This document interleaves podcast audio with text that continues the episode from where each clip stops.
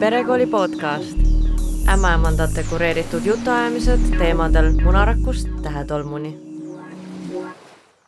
tere, armsad kuulajad, meil on täna külas äh, unenõustaja Liivia Mordant. tere, Liivia. tere, rõõm siin olla. tore, et ma kohe küsiks su käest, et äh, kas see ongi sinu praegune amet, unenõustaja või teed sa veel midagi?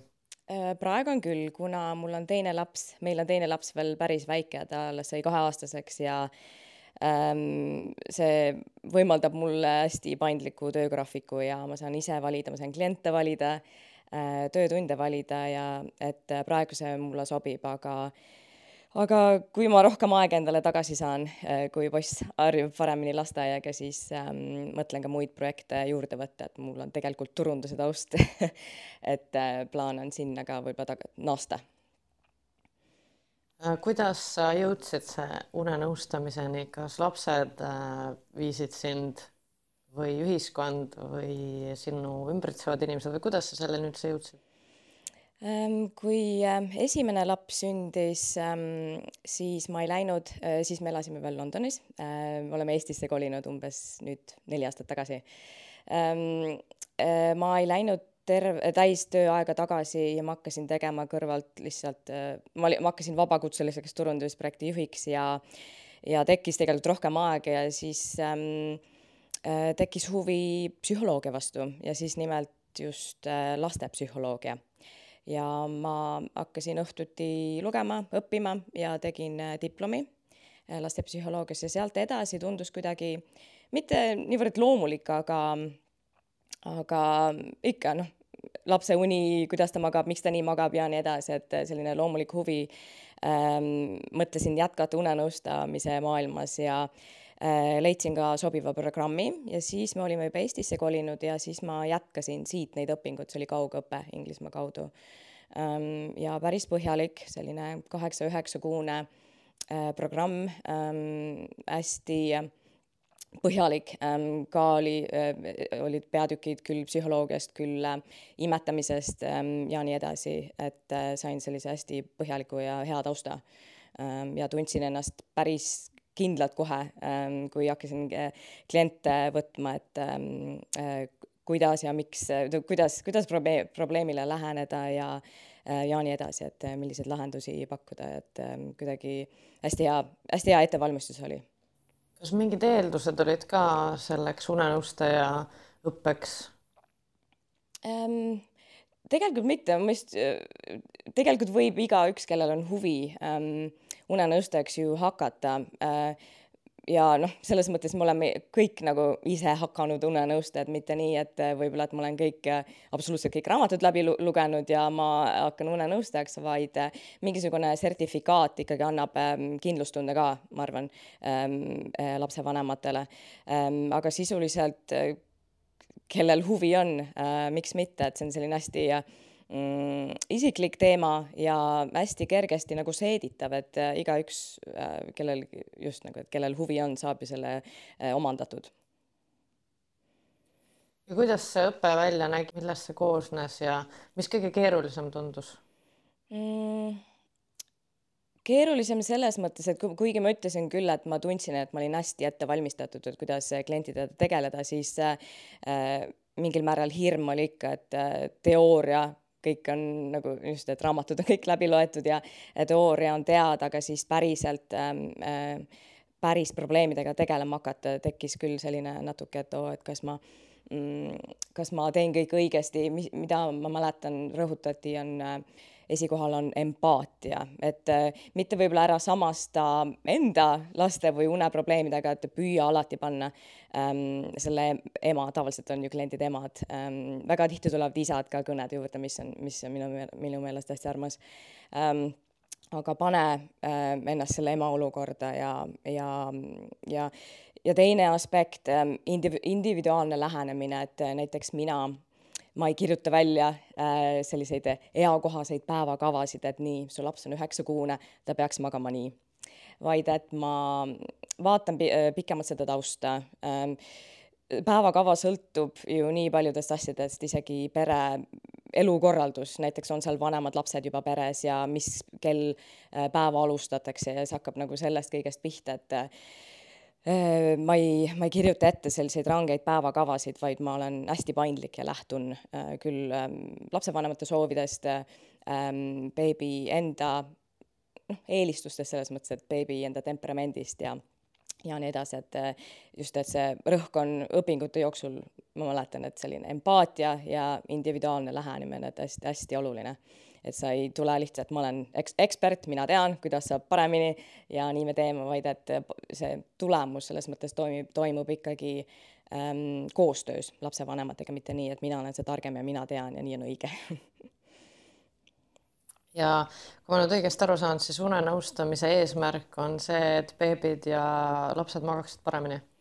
Äh, üldpildis küll, vahel seda ei juhtu, et ähm, nõustamise käigus äh, nagu suuri edumärke võib-olla ei ole näha, et näiteks beebi, kes ärkas enne äh, ütleme viis korda öösel ja noh, selles mõttes, et ta jääb ikka edasi ärkama, aga ähm, võib-olla ärkab neli korda öösel, et vahel on tihti, tähendab, vahel on oluline need ähm, pikaajalised eesmärgid ikkagi paika panna, et näiteks ei ole realistlik, et äh, meil on kahenädalane või kuuajane nõustamine, siis selle aja jooksul sa tahad, et su laps enam üldse öösiti ei ärkaks ähm,. et see ei pruugi olla realistlik ähm,.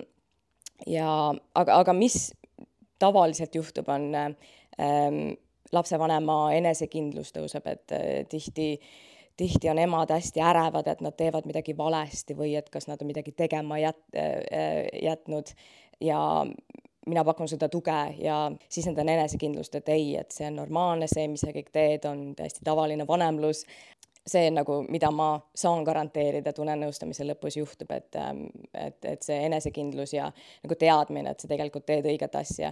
Ähm, lõppkokkuvõtteks tõepoolest jah, beebi hakkab paremini või väike laps ähm, hakkab paremini magama ja võib-olla mitte just konkreetsete asjade pärast, mida, mida ma olen soovitanud, aga ema ise rahuneb maha ja see võib-olla kandub juba lapsele edasi ja miski loksub paika ja sealt hakkavad asjad noh, paremaks muutuma. kas sa vahel oled pidanud ka inimestele soovitama mõnda teist spetsialisti või sa tunned, et äh, mingi olukord äh, käib nii-öelda noh, et ei ole päris sinu pädevuses, on sul vahel tulnud ette? jaa, absoluutselt ähm,. ma ei saagi väita, et vaata und, hea tund või just, et und mõjutavad hästi paljud muud tegurid ähm, ja tuleb siiski nagu, nagu selline, kui on keerul-, keerulisem case, et laps tõesti ärkab tihti, siis on sellised nagu kontrollküsimused enne, et tervise poolelt, et ähm, väga tihti tuleb uurida, kas äh, laps magab suu lahti, seal võivad muud põhjused olla ähm,.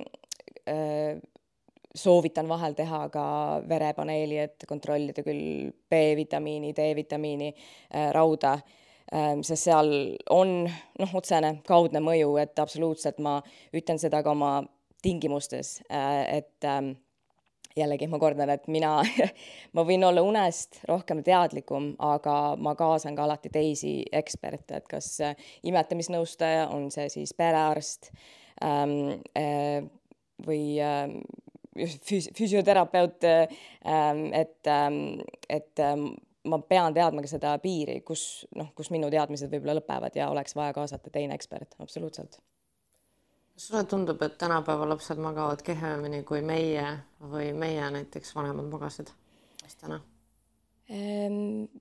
ma arvan, et meie generatsioon ja ka meie vanemad, see ei ole veel nii oluliselt ähm,.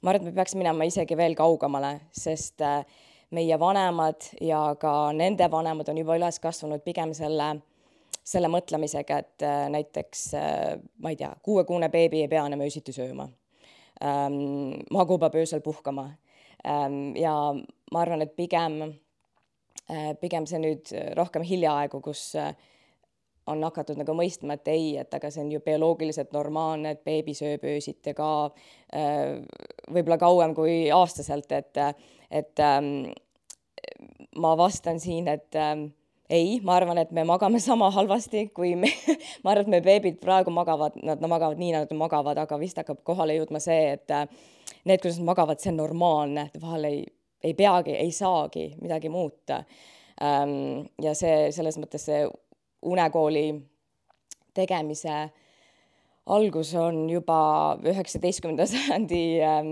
äh, lõpus, tuhat üheksasada, nii see tegelikult algus või tööstuslik revolutsioon, kui sa tahad nagu väga kaugele minna, siis sealt tegelikult need äh, alustalad ähm, algasid hästi palju just Ameerikas, kus ähm, oli vaja, lapsevanematel endal oli vaja, et noh, laps ei segaks neid öösel, neil on vaja magada, neil on vaja puhata, neil on vaja tööl käia. Ameerikas siiamaani see on ju naeruväärne, kus äh, emadel äh, või noh, lapsevanematel, neil ei ole ju emapuhkust versus Eesti kolm aastat ja Ameerikas on kuus nädalat. no see on täiesti mõtlematu, see ei ole inimlik. et ähm, ja, ja sealt see tegelikult ähm, nagu need võrsed on seal, et äh, on hästi vaja, varakult on vaja, et beebi sind öösiti ei segaks ja laseks sul magada, mis on nagu nukker tegelikult. kas unenõustamine siis võrdub unekooliga? Ähm,? ei, ma ei paneks seda võrdusmärki sinna ähm,. ma arvan, see on selline tõlgendamise küsimus, et vaata unekool, see sõna ise nagu eeldab, et noh, kui ma tõlgiks seda, siis see on sleep training ja siis nagu automaatselt on inimestel selline natuke äh, negatiivne maik juures ja unekool, mis äh, tähendab seda, et sa õpetad beebit magama ähm,. beebisid ei saa õpetada magama, nad magavad nii, nagu neid on loodud. Ähm, jah, saab mõjutada, seal on küll keskkonnategurid, ähm, harjumused, ähm, et neid saab mõjutada, aga selles mõttes äh, beebid maga-, magavad täpselt nii, nagu nad peaksid magama.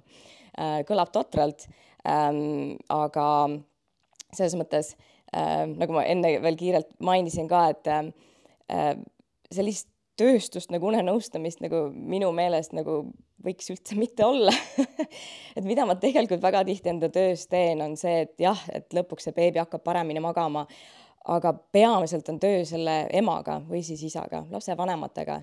et ähm, hästi tihti ma, peamiselt, mis ma nõustamise jooksul teen, ma normaliseerin hästi palju asju ähm, ja, ja sellest aitab ja ema nagu tunneb, et aa, et see on okei okay,, et no selles mõttes ma ei peagi äh, midagi väga muutma, ma ei pea beebit õpetama, kuidas noh, selliseid asju ei saa teha, kuidas sa õpetad beebit unetsükleid ühendama ja et, ähm, et äh, unenõustamine, see on tõlgendamise küsimus, ta ähm, minu silmis on unenõustamine selles mõttes nagu beebi une normaliseerimine ja ähm, et ma äh, ja unekool see sõna minu jaoks on natuke negatiivse tähendusega, ma just põhjendasin, miks. Ähm, et äh, ka selline leebe, pannes siis ette, selle ette sõna leebe, see ei tee nagu tegelikult asja eriti paremaks, et selles mõttes ta ikkagi võrdub sellega, et sa õpetad oma last midagi tegema, mis võib olla bioloogiliselt vastuolus, milline see normaalne lapse uni võiks tegelikult olla. ma ei tea, natuke keeruline vastus tuli jah, võib-olla oskad sa mingi näite tuua mis see õpetamine, kuidas see välja näeks näiteks? ehk siis, et äh, hästi palju, ma arvan, et mis see äh, unenõust- või unekooli valdkond on, mis on teinud väga osavalt äh,, on, on see, et nad on äh, tekitanud probleemi, mis ei ole tegelikult probleem, näiteks äh, äh, lühikesed uned ja siis, et oi, et sa pead õpetama beebid unetsükleid ühendama ähm,. kuigi tegelikult öösel näiteks iga unetsükli tagant virgumine, ka meie teeme seda ähm,. beebidel ei ole oskust ennast ähm,, see on nii ja naa äh,. mõned beebid on suutelised absoluutselt ähm, ennast nagu isegi reguleerima, et ma ei tea, vanem beebi leiab selle luti, keerab teise külje ja jääbki magama. see on erand äh,, pigem on see, et beebil on äh, abi vaja, et uuesti uinuda ja selles mõttes sa ei saa siis nagu õpetada seda beebit ise uinuma, vaid et sa alati aitad seda, aitad teda. küll siis, kas sa kussutad ta tagasi magama, paned ta uuesti rinnale ja järjepidevalt selle tegemine Äh, lõpuks see nagu äh, loob uue seose, kinnistab äh, beebi ajus, et ähm, ta ärkab, tal on turvaline, teda aidatakse tagasi magama ja mida aeg edasi, ta lõpuks on suuteline seda ise, tegema. et ähm, äh, näiteks, mis unekool tihti teeb, on ähm, ähm, nagu lasta natuke beebil nutta ja vaadata, kas ta rahuneb ise maha no jällegi, mõni beebi teeb seda, enamjaolt seda nad ei tee. Nad ärkavad üles, nad nutavad, nad jäävad nutma ja sellisele asjale peab reageerima. ma nagu ei, ma ei, ise isiklikult äh, ma ei kujuta ette, kuidas ma saan viis minutit beebi kõrval oodata, kui ta, äkki ta jääb vait, äkki ta jääb magama. ma, ma ise ei suudaks seda ja sellepärast ma ei, kunagi ka ei soovita seda enda töö raames jaa, no see on äh, põnev teema, et äh, sellest on äh, päris palju juttu minust, minu meelest viimasel ajal. ja hästi-hästi aktuaalne ja noh, võib-olla siin on mitte isegi koolkonna erinevused, ma ei nimetaks seda nii, aga et, et unekool ei ole kahjulik. Vestleme, arutleme. sellist asja ei saa uurida, see oleks hästi pikaajaline uuring, võtame ette kolmkümmend aastat, võtame praeguse generatsiooni. Äh, seal tuleks küll, ma ei tea, mõõta kortisooli, korti, kortisooli taset, ähm, hiljem vaadata, kas täiskasvanuna, kas tal on ärevushäired, et noh, see on hästi pikaajaline uuring, see oleks pisut ebaeetiline, kuidas sa võtad valimi, teile teeme unekooli, teile ei tee et sellist asja ei saa uurida ja et väita, et aga ta ei mäleta, ta on ju beebi, ta ei mäleta, kuidas me teame, et ta ei mäleta? Äh, meil on äh, mälu, meil on see Äh, nüüd ma jään jänni inglise keeles intrinsic, kas see on siis see sisemine, sisemine mälu, et miski meie keha annab mingil, mingil, mingil moel märku hiljem, just siis kas see väljendub mingisuguse ärevushäirega, mis on seotud magamisega. Ähm, ja noh, no seda me ei tea. seda me ei, seda me ei tea, et need, kuidagi väga ohtlik on väita, et aga noh, ta ei mäleta, see ei tee neile kahju. ma ei tea mm. -hmm ja, ja no väga põnev teema, aga ma küsin vahepeal ühe lihtsama küsimuse ka või no mulle endale tundub lihtsam, et kas näiteks see valge müramasin, kas see on hea asi? ja, ja isegi täiskasvanutele. Lihtsalt on oluline, et ta ei oleks liiga valjult äh,. ta oleks vähemalt äh, kahe meetri kaugusel ja see maksimum helitugevus vist oli viiskümmend detsibelli Ehm, ja, ja see, seda ka hästi paljud täiskasvanud kasutavad.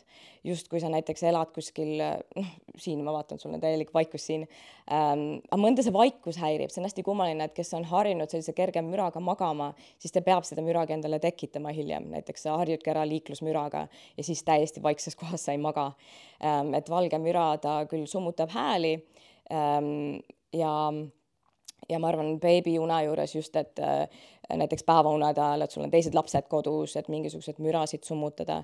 ja see ei ole ka selline asi, millest peaks konkreetselt võõrutama, et kui kaua võib valget müra mängida, võidki, võidki jääda mängima, ma mäletan, vanem laps lõpuks mulle ütles, et äh, ma ei taha seda häält endale tuppa ta oli vist kolmeaastane. No siis oli selge, et noh, sul see ei ole tegelikult vaja. et me automaatselt panime igal õhtul selle tööle, sest äh, noh, elamishääled köögist, vaatasime telekat, et ikkagi mingi heli kandus edasi. aga tundus siis noh, kui ta vanemaks sai, et tundub, et see teda üldse ei häirinudki vist, et äh, ütles ise, et ei taha seda enam aga see ei tohiks siis olla seal äh, beebivoodis? ei, mitte kindlasti mitte nii lähedal, no selles mõttes, et võid siis selle ääre hästi, hästi hääle hästi vaikseks panna. Ähm, aga turvalisem on kuskil noh, voodist, voodist kaugemal. ja, ja veel eristatakse, kas valge müra, äh, roosa müra, on ka pruun müra äh, vastsündinutele pigem soovitatakse roosat müra, et seal on need erinevad, erinevad heli, helitugevused, see on hästi-hästi keeruline maailm tegelikult. Ähm, ja Eestis on ka äh, head, head tooted eh, saadaval, et eh, helinaut, mainin, mainin, et eh, kõik kiidavad taevani, et mõni võtab seda isegi nagu vankri jalutuskäigule kaasa, paneb selle sinna vankri äärde, et mina isiklikult ka soovitan mm. -hmm. on sul veel mingeid äh, siukseid lihtsaid nippe lapsevanematele ähm,? Vastsündina on sellised, äh, sellised soovitused, mis kehtivad kõigile, natuke hiljem läheb natuke keerulisemaks, et seal tuleb see individuaalne lähemine äh, mängu, aga vastsündinaga on esialgu väga lihtne. Ähm, neil ei ole ööpäevarütm veel sisse loksunud. Nad magavad palju, aga nad magavad hästi kaootiliselt, et kuni seitseteist, kaheksateist tundi ööpäevas, mida on ju tegelikult väga palju, aga see võib ka tähendada, et magavad suure osa päevast ja nüüd meie talveperioodil läheb see nagu keerulisemaks, aga mis on hästi oluline, et päevauned kõik päevavalges teha. Õues olla, isegi läbi akna see valgus ei mõju nii hästi, vaid et just hommikupoole hästi palju väljas olla ja ööd pimedaks, et aidata kaasa sellele noh, meie, meie moodi sarnasele ööpäevarütmile kaasa, et me ikkagi enamus ajast magame öösel ja siis, et need päevauinakud ähm,. beebid, vastsündinud, nad veel nende keha veel ei tooda äh, melatoniini ähm,.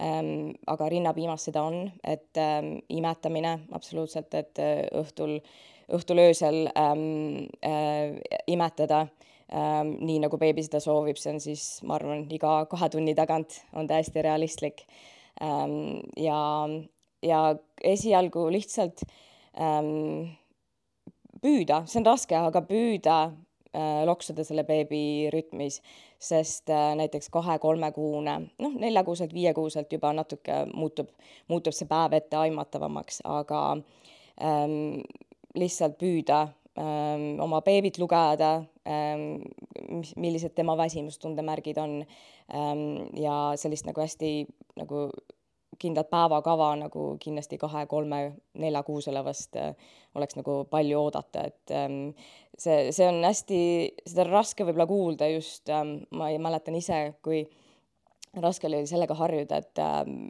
et äh, kus siis minu aeg on, ma olin harjunud, et ma ei tea hommikul tõusen sellel kellaajal, aga nüüd on kogu aeg, sa oled kogu aeg on kellegi teise vajadused, kogu aeg sa pead ähm, nagu kedagi teist jälgima, et see on tohutult raske alguses ähm,. aga see läheb paremaks, see enda aeg hakkab ka vaikselt tagasi tulema, isegi kui see on vaid äh, tund õhtul, aga see hakkab paremaks minema ja ma tahtsin küsida selle päevavalguse kohta, et kas see tähendab siis, et ei tohiks kardinaid justkui ette tõmmata, kui päeval beebi magab? Äh, kott pimedaks ei, äh, ei soovita tõesti teha, et mida, mida, ähm, mida kauem äh, me räägimegi sellisest hästi pikast uinakust, siis me tegelikult saame oma keha petta küll. et päeval meie keha melatoniini ei tooda. Ähm, aga kui me hästi pikalt pimedas viibime, siis me võime seda tekitada, sellise efekti tekitada, et keha siis arvab, et on ööaeg. ja see kehtib siis hästi selliste pikkade uinakute puhul, et selline kaks pluss äh, tundi uinak, et ähm, ähm, et see võib juhtuda küll, et see nagu see ööpäevarütm läheb tegelikult äh, sassi, et kui sa keha hakkab päeval ähm, melatoniini tootma, siis noh, õhtul suure tõenäosusega see või see ööuni on natuke rahutum või et siis, et õhtu, õhtune uinumine võib kauem aega võtta ähm, et ähm, et sellist kottpimedat tuba ei soovita ähm,. hämar võib küll olla, et näiteks äh, lihtsalt kardinad ette tõmmata ähm, võib-olla just sellele eesmärgile, et äh, noh, otse sul valgus paistab tuppa, aga mingit varje katta ja selline hästi ähm, stimulatsioonivaba äh, magamiskeskkond tekitada, et selline valge müra, natuke kardinad ette ähm,. et magamiskeskkond peaks olema ikkagi und, und soodustav, et mitte sul ei ole mm, just, et valgusviht kuskilt, äh, valgusviht kuskilt ak-, äh, aknast või et äh, ähm, jah, une, unekeskkond isegi täiskasvanutele ju, et ähm, jahadapoolne tuba ähm,, öösel pime ähm, äh, ja just, et seesama kehtib ka beebile. kas täiskasvanud vajavad ka unenõustamist äh,? jaa ähm,, ja, ja võib-olla ma tean, eks on täiskasvanud unenõustajaid ka äh, tihtipeale seal on mingid muud mured, et tegelikult käiakse psühholoogi juures ja mingid, mingid muud teemad, mis tuleb lahendada, et äh, ärevushäired ja selle tõttu ei suuda inimesed magada ähm,. jaa, absoluutselt, ma isegi, ma olen insomnia, insomnia käes maadelnud, et äh, ma ei käinud küll unenõustaja juures, aga mina sain psühholoogilt abi ja noh, see on, need on omavahel seotud, et unetus on ikkagi mingi muu äh, tihtipeale mingi muu häire, kas ärevushäire või et mingid muud probleemid, mis tuleb lahendada mm. -hmm. noh, unest äh, hästi palju räägitakse ka, et kui oluline see on ja ma ei tea, võib-olla ma olen rohkem nagu mm, ärkvel selle teema osas mm, -hmm. sest et ma töötan vahetustega mm -hmm. ja öövalved mõjutavad minu unetsüklit. Ja siis tihti sõpradega tuleb see uni nagu jutuks. Mm. Ja kui pikaajaliselt niimoodi töötada, siis see lööb täitsa sassi selle rütmi küll. et ma ei tea, sii-, siis küll vist tuleks päeval tekitada seda olukorda, et tub, pime tuba ja ma ei tea, kui hästi sa päeval magad sellises päikeselises toas kardinad tõmban ette no, pimendavad mm,. jah, siis on vaja sellist tekitada küll, et aga samas ähm, vaata sa, kui sa oled öösel tavaliselt magad äkki seitse tundi, siis näiteks sa päeval magad, magad nii pikalt, vast, vast vähem. ei maga jah. ja, ja see on keeruline teema ja aga mul on ka äh, nüüd just äh, hankisin endale selle Val... unenõustaja ei, selle sõrmuse äh, Aura ring. Mm -hmm. ja mis äh, mõõdab just seda pulssi öösel nagu seda trendi, selle järgi arvutab seda une nii-öelda sügavust ja mm -hmm. REM-und ja mm -hmm. siis äh, väga põnev on olnud seda vaadata ja just peale neid öövalveid et tegelikult mm. siis väga sügavat und ei tulegi ikkagi päeval. selline pinnapealsem uni. et, et see sügav uni toimub ikkagi öösel, et aga no ma alles, alles tutvun sellega, et huviga nagu just äh, ja. kasutan, et ma saan rohkem tundma õppida seda Sellist, und. jaa Äh, beebidel vast ähm, nii täpselt, ega noh, beebile sa seda sõrmust sõrme ei pane ähm,. see nagu teistmoodi kaudselt, hästi paljud äh, lapsevanemad ju kasutavad kõik noh, mingid rakendused ja kõik on olemas ähm,, mis siis ütleb äh, sa paned sinna teatud kellaajad kirja, mis kell ta tavaliselt ärkab ja millal ta magama läheb ja siis ta arvutab sulle, et milline ta päevakava välja võiks näha.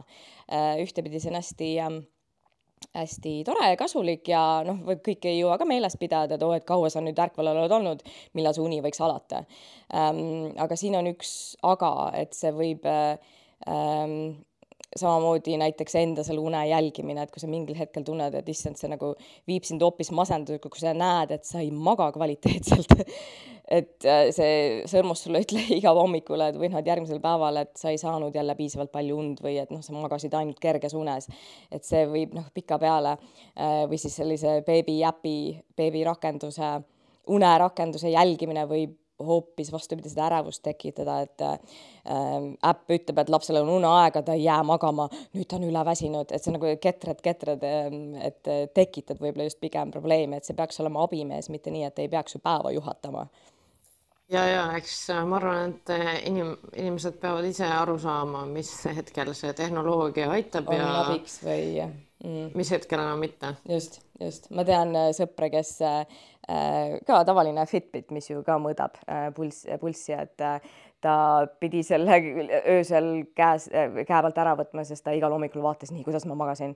Ähm, ja sa võid isegi nagu, ma tean ka enda laste kõrvalt, sa võid sul võis olla nagu suhteliselt nagu halb öö, sa tundsid, et issand, ma olin vist, ma ei tea, ma olingi vist ainult ärkvel aga järgmine päev sa ei tunne ennast miskipärast väga väsinuna, võib-olla sa said mingi hea portsu sügavat und, mis on hea taastav uni ja võib-olla sa kokku said ainult viis tundi ööd, aga sa tunned ennast täitsa hästi päeval. Äh, selles mõttes, et siis selle nagu ähm, selle kella vaatamine või et äh, see näitab, et ma sain nii vähe und, aga sul on tegelikult päeva jooksul hea olla.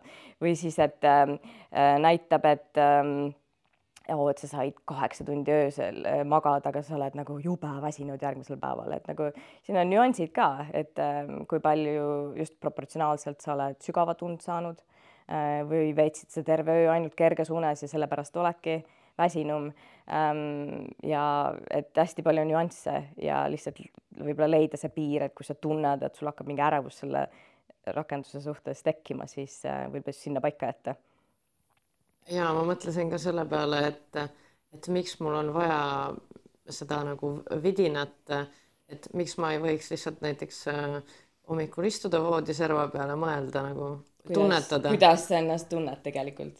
jah.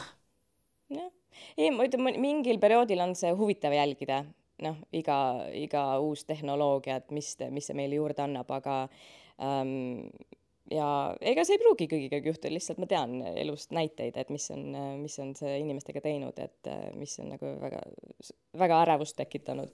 Ja, ja ma kujutan ette, et lapsevanematel on noh, igasuguseid äppe.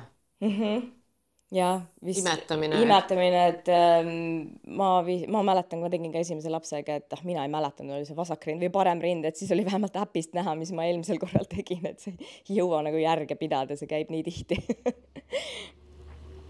aga kaua sa oled nüüd äh, selle unenõustamisega tegelenud, mitu aastat äh,? sai just äh, kaks aastat täis äh,.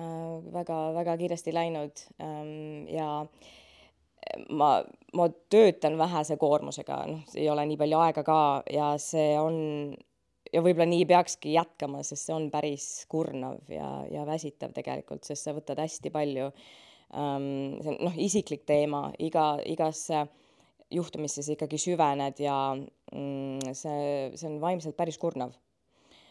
et seda vist peakski väikese koormusega, kui noh, enda peale mõelda, et väikese koormusega tegema, kui just hästi palju individuaalseid kliente võtta.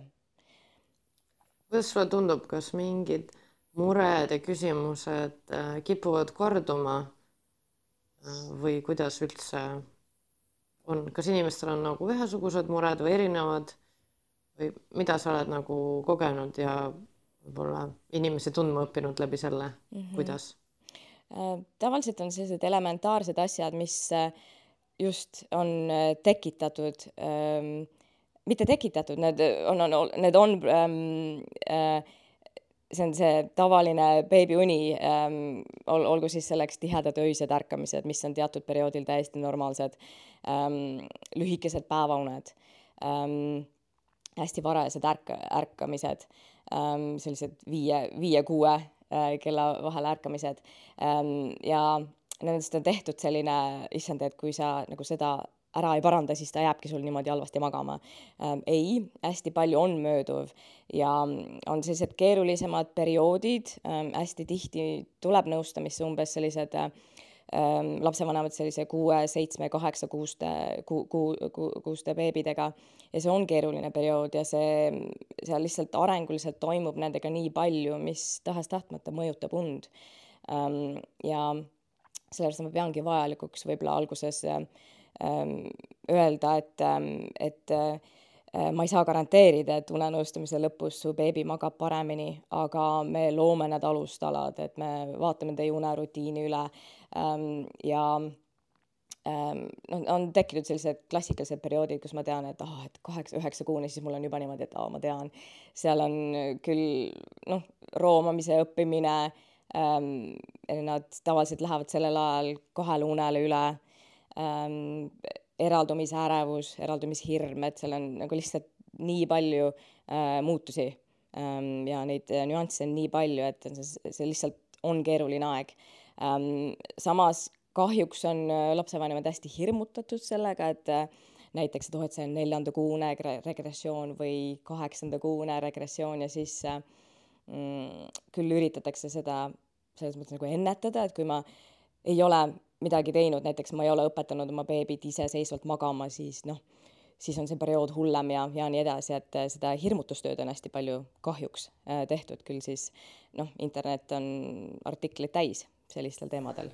iseseisvalt magamine on siis niimoodi, et paned beebi tema voodisse, paned toa ukse kinni ja magab ähm,?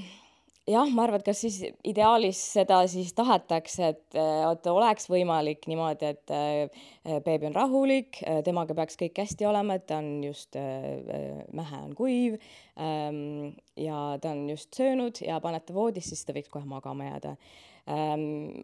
unustatakse ära oluline asi, et ähm, võib-olla on kas see siis ei ole vähem vajadus, kui beebi tahab lihtsalt kellegi läheduses uinuda, et näiteks ähm, hirmutatakse hästi, et issand, kui sa võtad beebi kassu magama, siis ta nagu jääbki sinu kassu magama, et vaata, ta läheb äh, kooli ja ikka magab su kaisus, eks ähm, see on päris suur äh, teema äh,. ja no jällegi ähm, no siin, siin, siinkohal tuleb mainida, et see magamiskeskkond peab olema turvaline, et ähm, äh, et kui sa näiteks võtadki beebi enda voodisse magama, siis äh, ähm, no noh, tihtipeale jälle hirmutatakse, et ära seda tee ja siis emad teevad seda, aga arvavad, issand, ma teen midagi valesti ähm,. mina soovitan kõigepealt vaadata üle teie magamiskeskkond, kui see on turvaline, siis see beebi võib absoluutselt sinu kõrval magada ähm,. ta ei tohi kuhugi pattide vahele jääda, kuhugi madratsite vahele kinni või siis voodist alla kukkuda, eks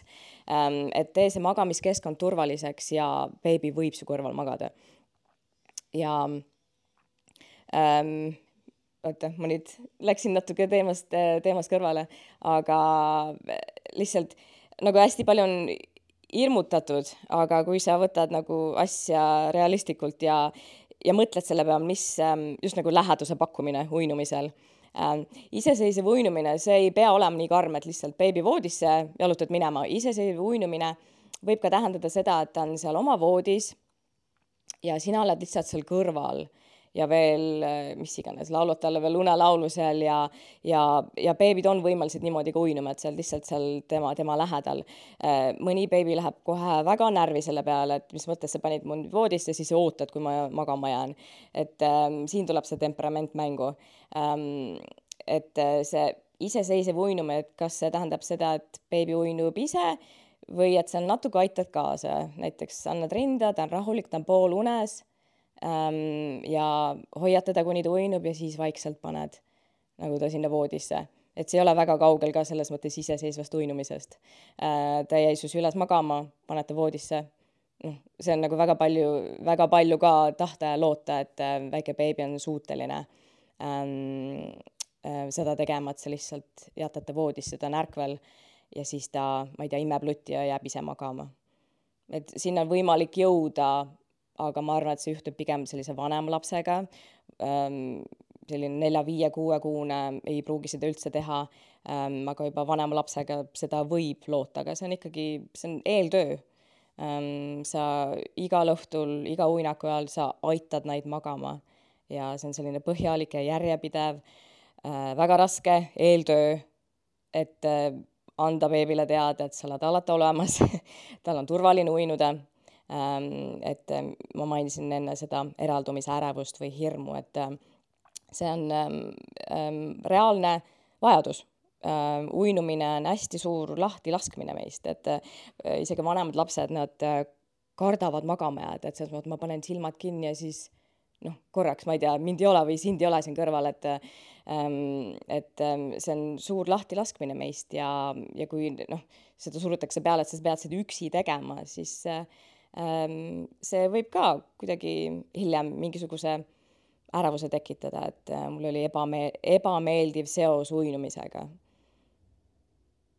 kui seda surutakse peale, et sa peaksid seda üksi tegema mm. -hmm. ja, jah. eks äh, kuidagi jah, mingi paindlikkus peab vist seal olema. ma arvan ka ja isegi lausa empaatia enda beebi suhtes, et seda võib panna kuidagi raske, kui see ei tule loomulikult, siis et mm, sa jälgid pimesi päevakavasid, sa kuidagi teed, jälgid, järgid, järgid seda, selliseid soovitusi, äh, mis nagu peaks olema või siis noh, mis toob selle parema une.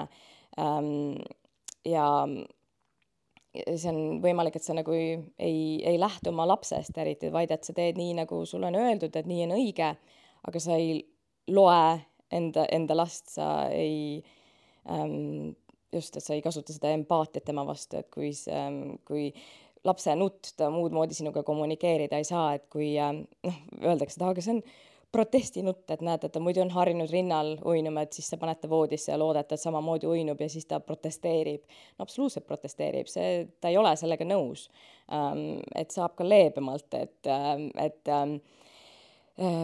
tema just, tema annab märku oma nutuga ja no ma arvan, et sellisele, selle, sellele nutule tuleks reageerida empaatiaga.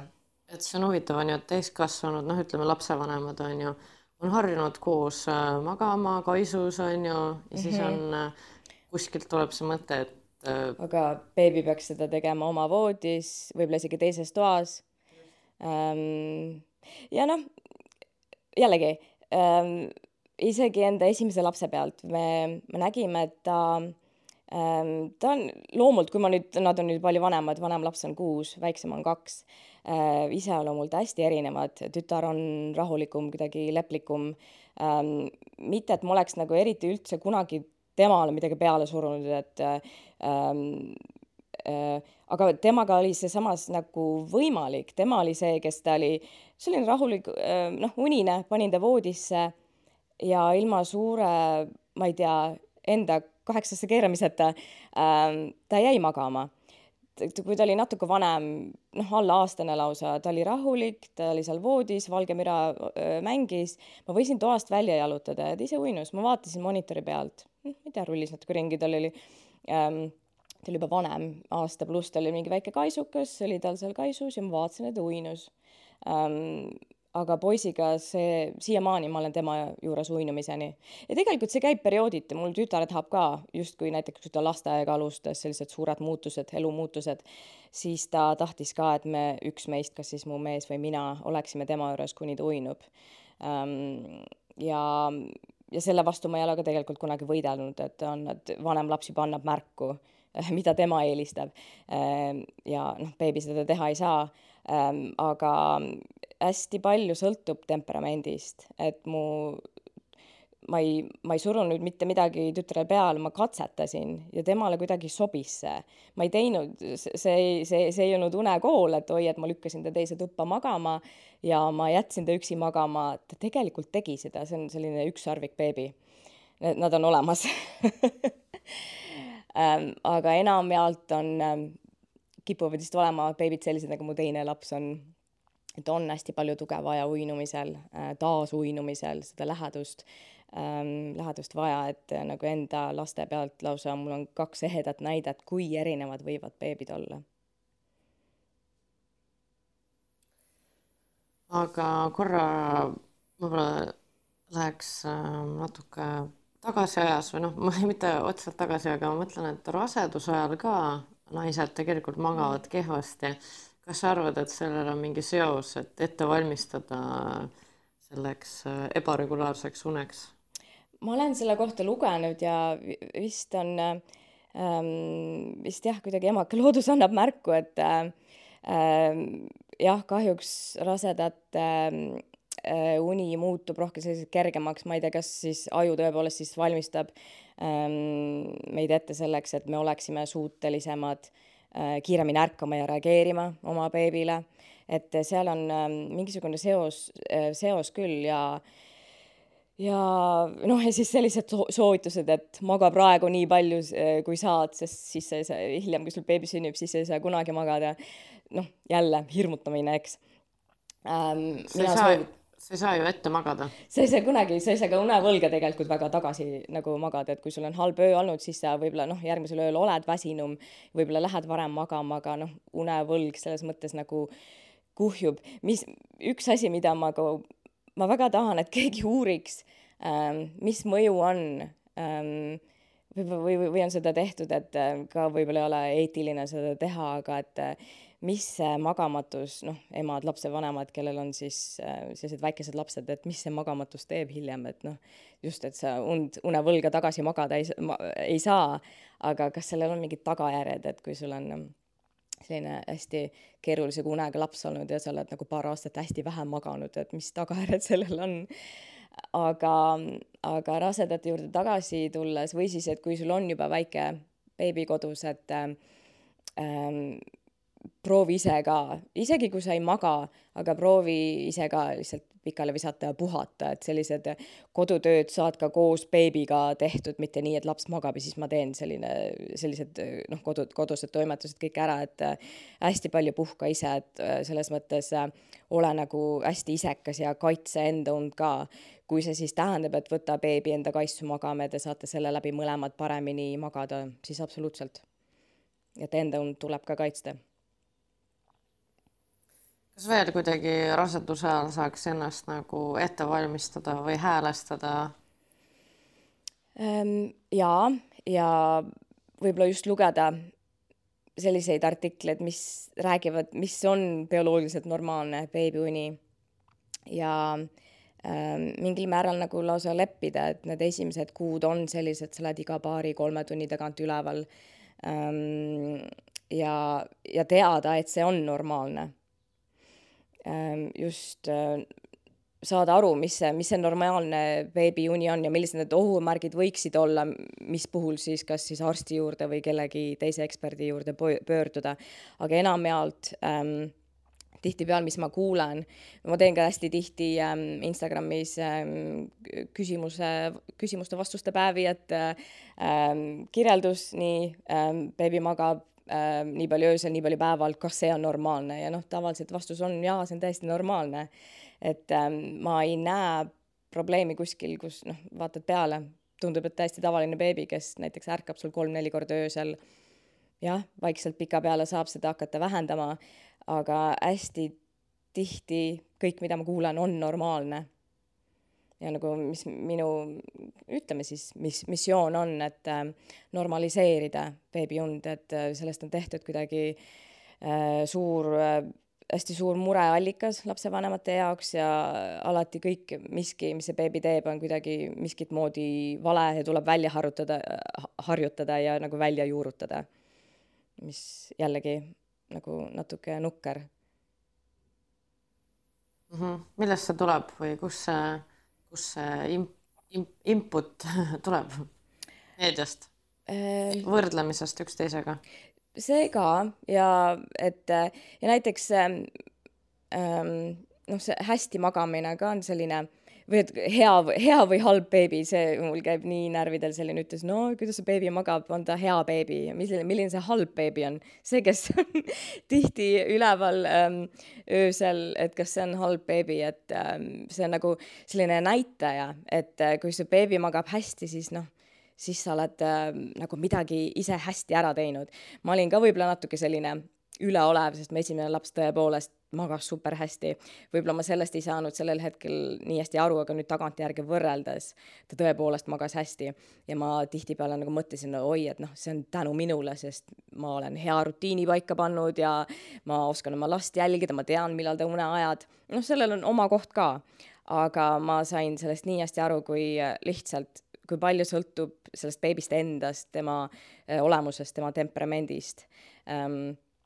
Ja, ja, ja, ja, ja kust see tuleb, just ähm, natuke nagu üle pingutad selle, pingutatud selle une, unekooli tööstuse poolt, et ähm, need probleemid on just ju tekitatud, et äh, et kui sa ei ole unekooli teinud näiteks neljandaks-viiendaks kuuks, siis noh ma ei tea, sul on kõik metsas su beebi ei hakkagi paremini magama.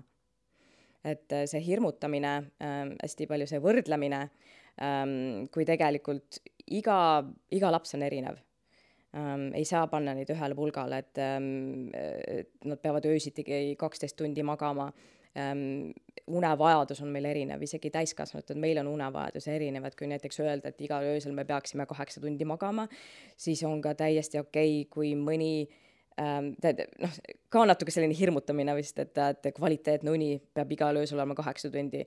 ma usun, et kuus-seitse tundi on ka hea, eks noh nii palju, kui mina olen kuulnud, siis see oleneb inimesest. noh, jah, ma ei ütle, et selline võikski äh, ähm, igal ööl vaid viis tundi magada ja see on nagu meie kehale hea. seda vist kõlab ja tundub natuke vähe olevat ähm,. mis ma olen tähele pannud, et vanemad inimesed magavad vähem ja neil ongi vähem vaja ähm,. Jah, seal on, vaata, see on äh, näiteks teismelised, nad lähevad hästi hilja magama, see on, see on selline ajutine Äh, nähtus nende puhul, et hästi tüütu, et su teismeline istub seal kella noh, südaööni äh, üleval ja siis ta peab hommikul kell kuus või seitse juba tõusma, et kella kaheksaks kooli jõuda. Ähm, just selles eas, see on ka need hormonaalsed muutused kehas, äh, miks neil see unerütm on ajutiselt selliseks hiliseks, hilisemaks lükkunud, näiteks ähm, mõnel maal on või lausa eraldi koolides on tehtud niimoodi, et teismelised alustavad kooli hiljem sest nad kus maal selline võimalus on? ma ei mäleta, ma võib-olla kas see oli Inglismaal üks artikkel, ma mäletan, BBC viskas ette, et üks kool tegi nii. ma, ma arvan, et nagu terve riik seda vist ette, noh, teguks see on väga tore, kui te, seda tehtaks. aga kui on nagu märgatud, et issand, et, et me ei saa neid teismelisi või no kui nad, nad on poolunes, kui nad hommikul sinna kooli jõuavad ähm,. et kui sellega arvest-, arvestati ja, ja tehti nii, et kuidagi kool on mitmes vahetuses, et väikesed lapsed tulevad varem ähm,, vanemad lapsed tulevad hiljem et kui mõni aasta seda teha, et see oleks nagu minu arust super lahendus ähm,. sest see on selline ajutine äh,, see ei ole isegi unehäire, ei saa seda isegi selliseks asjaks kutsuda ähm,, aga selline ajutine äh, faas. jah, kus neil unerütm muutub mm. -hmm. jah, mul oli teine, neljas, kuues klass õhtuses vahetuses. ahah. aa, niimoodi hüppeliselt, väga huvitav, kus noh, see oli lihtsalt sellepärast, et äh, ei mahtunud kõik ära. noh, just, just. see oli päris mõnus poole üheks kooli minna. ma arvan ka, ajutiselt sellist asja, selles mõttes, et õhtu on sul küll nagu võib-olla läinud, aga see oleks väga tore olnud, sisse magada hommikuti vahel. nii, natuke rääkisime rasedatest, siis ma tahtsin veel uurida su käest, kas sul on mingeid soovitusi ka näiteks ämmaemandatele, kes siis äh, noh, töötavad, on ju rasedate ja vastsünnitanud naistega, sünnitajatega, äh, tuuladele soovitusi, mis on niisugused jah, nippe, mida saaks nagu inimestele jagada, noh, lisaks sellele, et rahustada ja julgustada mm. -hmm.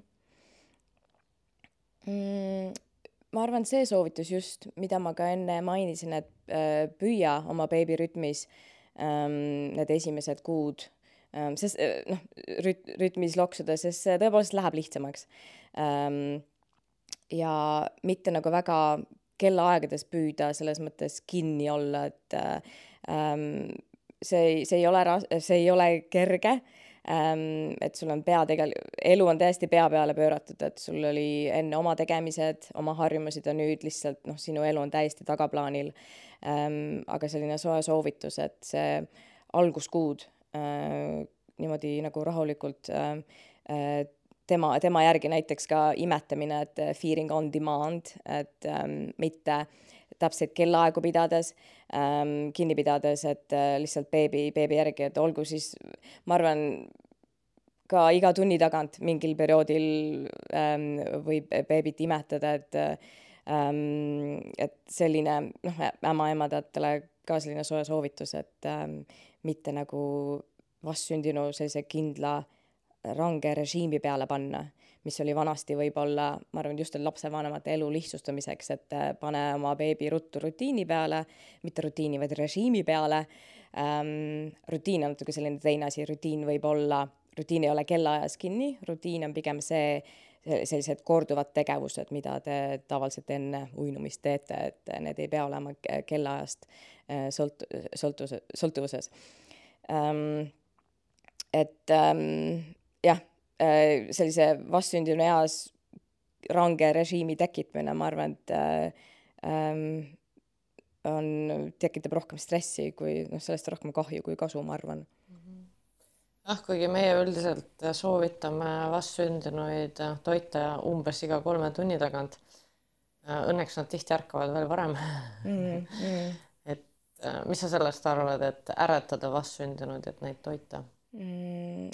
siin on alati selles mõttes, vaata mina, siin ongi need imetamisnõustajad on suuremad eksperdid ja nende nõuandeid ma alati kuulan ähm,.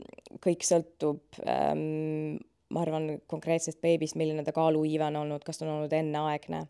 et äh, see ei ole üldse ähm, tähendab, on, on, on hästi tavaline, et selline kahe-kolmekuune beebi võib ju selliseid seitsmetunniseid jutte magada ja ja et issand, kas ma siis oleks pidanud teda äratama, et ähm, ähm, kui kaaluga, kui ta on stabiilselt võtnud ähm, ilusti juurde, siis äh, tegelikult lase sellel beebil magada ähm,. sa või tõenäoliselt ärkad ise juba enne üles ja vaatad, issand, ta ikka magab, et äh, noh, ma arvan, et lase magada ähm,, sest äh, mingil perioodil nad hakkavad niikuinii jälle tihemini ärkama, et need esimesed kuud on sellised kummalised, kus äh, sa arvadki, et noh see ei ole üldse halb ju, näed, beebi magas kaheksa tundi järjest ja et siis tavaliselt seal neljanda kuul asi võib natuke sassi minna, see unerütm neil ähm,. aga mina üldiselt soovitan, et kui beebi magab, siis noh, öösel just, päeval on teine asi, vahel võib, vahel on põhjused, miks sa peaksid näiteks või võiksid äh, beebit vahel unedest äratada, aga öösel on tavaliselt küll selline, et ähm, soovitus, et noh, kui sellist põlevat vajadust ei ole, siis las ta magab. ja, ja et jah, noh, tõesti nagu sa ütlesid, et äh, erinevate vajaduste järgi erinevad käitumisviisid, et et kui kaaluiive ikkagi nõuab, et siis äh, ja. peab ikkagi beebit üles mm. äratama. eriti vastsündinut mm. -hmm.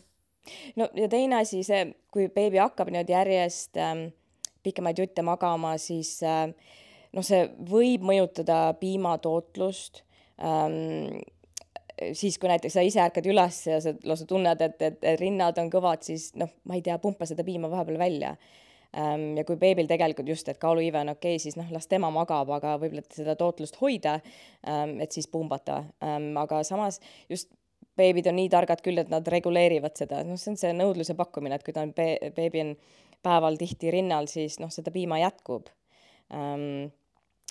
sina võib-olla oskad selle kohta rohkem rääkida, et kui hästi on see imetamine toetatud ähm, sünnitushaiglates, et äh, alguses vist on kõik hästi, aga võib-olla selline nelja-viie kuu pealt äh, on see vist äh,, trend on languses, et hästi tihti tahetakse, kas juba arvatakse, et piima ei ole piisavalt äh,, tahetakse segu juurde anda ähm,. et võib-olla sul on selle koha pealt rohkem kogemust või teadmisi ma pean tunnistama, et äh, kuna mina töötangi sünnitusmajas, siis äh, mul on selles mõttes näen väga sellist kitsast äh, äh, noh, lõiku nii-öelda mhm. sellest. sa, sa näed seda algust. et ma näen algust, et mm -hmm. ma näen, kui tuleb ternespiim, kui tuleb piim, siis enamasti on juba emad nagu koju läinud, noh, kui hakkab nagu tulema, mhm, onju. Mhm. ja siis ongi, siis on rohkem imetamisnõustajad, kes teevad sellist vastuvõttu ja siis tegelikult on ju beebid perearstide jälgimise all. ja eks see on siis jah, selline iga inimese individuaalne asi, et millal nad siis hakkavad seda lisatoitu andma, mm. on ju. ja kas nad siis äh, jätkavad imetamisega või mitte, et mul isiklikult jah, nagu mm. puudub see statistika. statistika lausa. ja mm -hmm. kokkupuude, aga noh, kõlab loogiliselt et aga muidu ikkagi imetamine Eestis on no,, ma ütleks, et äh, enam enam-vähem ja pigem ikkagi toetatud mm. -hmm. Mm -hmm. et see, et kui ma olen natuke nagu välismaal käinud äh, ka nagu praktikal ja nii yeah., et siis seal on ikkagi hoopis teised äh, äh, need lähenemised. ja, või soovitused ja tihtipeale see sõltub sellest, kui pikk on emapuhkus, et näiteks sa tead, et sul on see ainult kuus kuud ähm, ja sa ei plaani tööl edasi käies tööl pumbata et siis sa lähedki juba sujuvalt pudeli peale, et seal on ka teised põhjused ka, et ehm, ma arvan, et just siin maades, kus siis emapuhkus on natuke pikem, et siis võib-olla suhtutakse sellesse ka, et oh, ma imetan aasta aega näiteks, võtadki endale sellise eesmärgi ähm,. aga jah, et kui su emapuhkus on võib-olla vaid noh Hollandis on ka see vist hästi lühike, kas see ongi selle viis kuus või lausa neli kuud, ma võin nüüd valeinfot jagada, aga.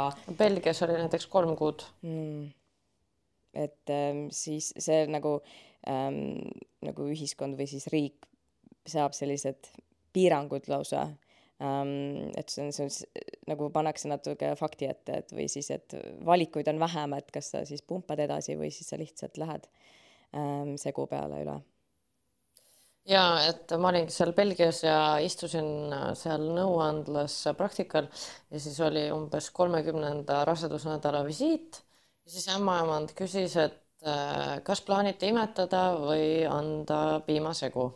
siis ma pidin tooli pealt alla kukkuma mm. et äh, minu jaoks. et juba oli, raseduse ajal. et minu jaoks oli see nii üllatav küsimus ja mingis mõttes mul hiljem nagu, kui ma hakkasin nagu selle peale mõtlema, mul tekkis see empaatia ja arusaam mm -hmm. nagu selle ühiskonna ja selle nagu vastu, et äh, aga mul oli noh, natukene tegi mind see kurvaks mm, -hmm. et, äh, et selline äh, küsimus oli ja, ja muidugi noh, noh, see on selline, see on tegelikult nii nagu äh, mingis mõttes selline suur, lai ja kohati ka nagu raske teema ja tegelikult noh, lõpuks ongi kõik inimesed vabad ja saavadki otsustada ja neil ongi noh, vabadus Vaba ja valik. Et ja meie ülesanne noh, ongi neid selles toetada, et mis iganes siis noh, muidugi me oleme nagu ämmaemandatena rinnapiima noh, suured propageerijad.